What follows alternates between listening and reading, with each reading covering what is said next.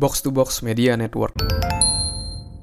Hai, Chandres Burdes dan pada podcast kali ini saya mau jawab pertanyaan dari salah satu follower saya yang namanya uh, eh, RV. Dia nanya gimana sih caranya untuk ngembaliin semangat kita dalam ngerjain tugas gitu ya. Karena dia ini adalah seorang mahasiswa dan juga lagi banyak banget tugas kampus. Jadinya kadang capek, terus malah rebahan, eh malah jadi nggak ngerjain hal-hal penting tadi. Oke. Kadang-kadang kita memang ketika banyak banget yang harus dikerjain, terus kita lagi stres banget, kadang-kadang kita memilih jalur singkat di mana kita bisa mendapatkan kesenangan atau kenikmatan yang mudah gitu. Salah satunya adalah dari kita rebahan, nonton Netflix, nonton ngecekin sosial media, itu bikin kita happy.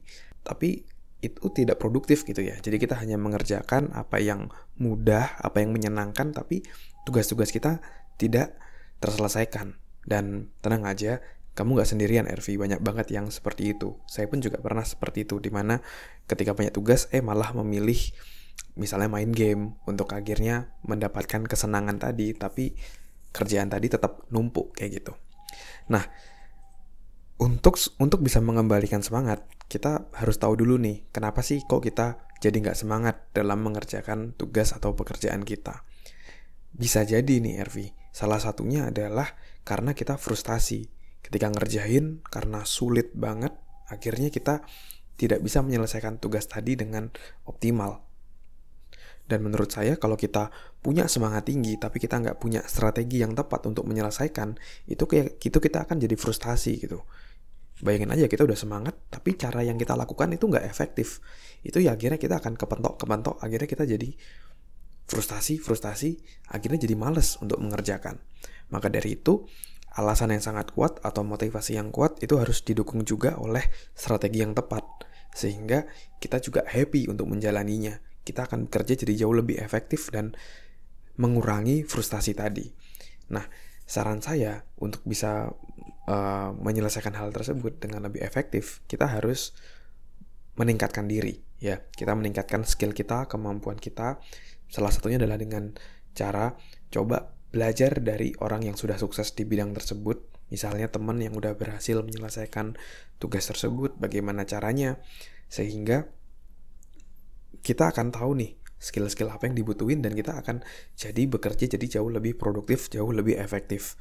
Dan ketika kita dan ketika skill kita meningkat dan tantangan di depan kita itu uh, kita bisa atasi, itu kita akan jadi jauh lebih termotivasi, itu kita akan jadi jauh lebih semangat. Karena frustasi itu sering kali muncul ketika skill kita itu tidak match dengan tantangan yang ada. Jadi PR-nya adalah harus meningkatkan skill kita agar kita terus semangat untuk menyelesaikannya. Oke, itu kalau penyebabnya adalah dari skill.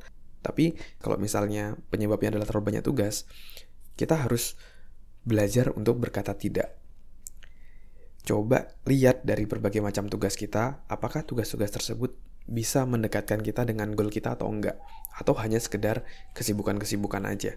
Kalau misalnya selama ini terlalu banyak sibuk tapi nggak ada hasil, coba mulai berikan kata tidak pada hal-hal yang nggak produktif, sehingga kita bisa menggunakan waktu kita untuk hal-hal yang jauh lebih produktif.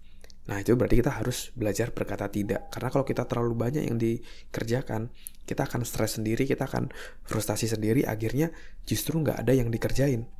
Sama kayak di buku 4DX ya, For Discipline of Execution, semakin banyak goal kita, itu pencapaiannya akan jadi semakin sedikit karena kita tidak bisa fokus pada apa yang ingin kita capai.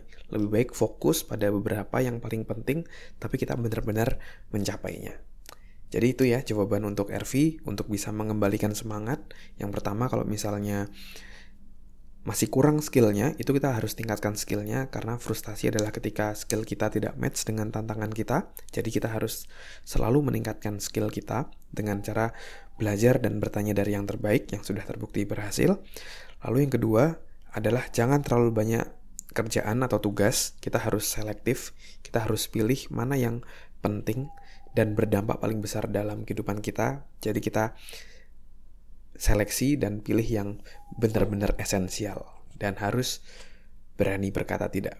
Oke, mungkin itu jawaban dari saya. Semoga bisa menjawab ya RV dan bisa dipraktekkan dan mengembalikan semangat dalam menyelesaikan tantangan-tantangan yang ada. Oke?